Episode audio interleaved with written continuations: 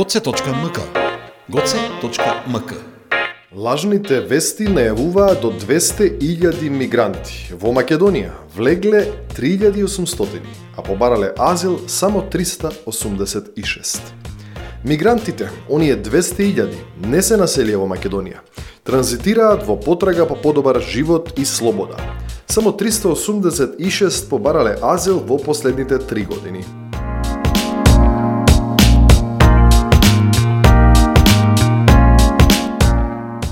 Мигрантите ќе ни ја земат работата. Мигрантите ќе се населат во Македонија. Државата ќе гради станови за мигрантите.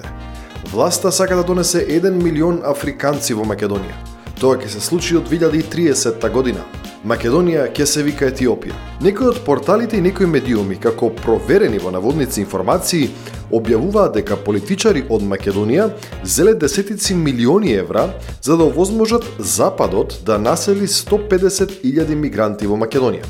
Во земјава дури и се заговараше одржување референдум против изградба на кампови за бегалци, кои всушност никогаш ни не биле предвидени за изградба. Дел од овие дезинформации намалија на интензитет како со текот на времето актуелни стануваат други теми кон кои партиите, како најчести извори и креатори на такви информации го насочуваа своето внимание – но од време на време, како одржување на каков таков континуитет на темата, се пуштаат дозирани информации за тоа дека се очекува нов бран бегалци. Во еден малку дамнешен период, војната беше изразена и преку памфлети и објави на социјалните мрежи со фотомонтажи, на кои се гледа како во училишта во Штип, на пример, одат цели оделенија на деца црнчиња.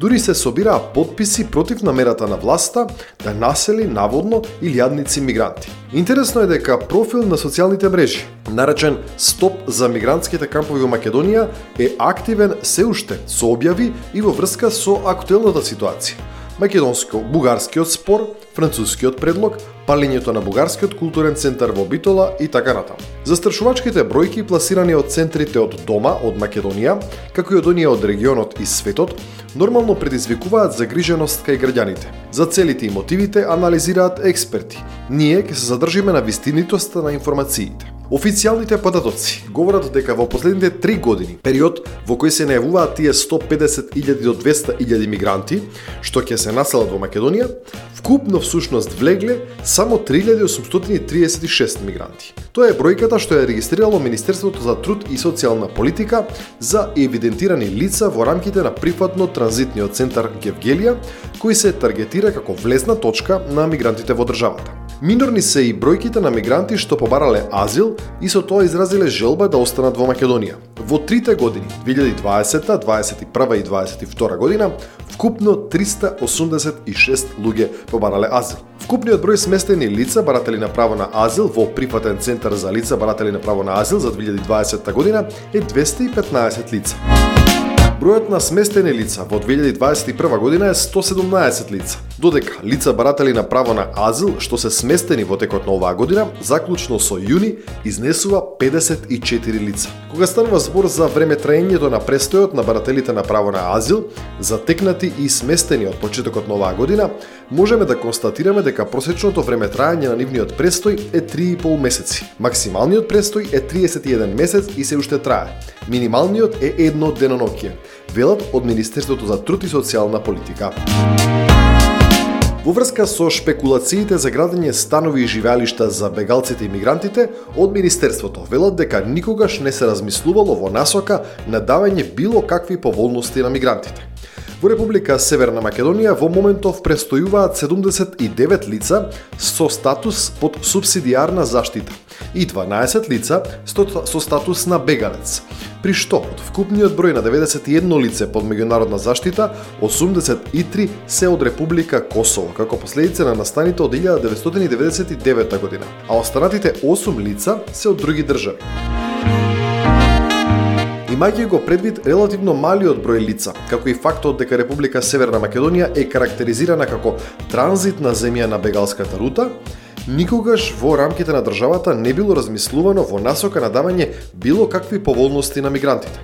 Воедно, според меѓународните конвенции за заштита на правата на бегалците, на лицата што ќе се стекнат со соодветен легален статус во Република Северна Македонија, им се гарантираат пристап до социјални права, здравствена заштита и вработување на начин пропишан со постојните законски решенија, под исти услови како и македонските граѓани. Од Министерството за труд и социјална политика велат дека и во моментов според сознанијата на релевантните институции што ги следат миграционите движења низ светот, не постојат видливи показатели за масовни миграцијски движења кон територијата на Република Северна Македонија. Преку 95% од мигрантите кои влегуваат во Македонија веднаш и заминуваат од неа. Првите контакти по влегувањето во Македонија мигрантите ги имаат со мобилните тимови на Црвениот крст Скопје.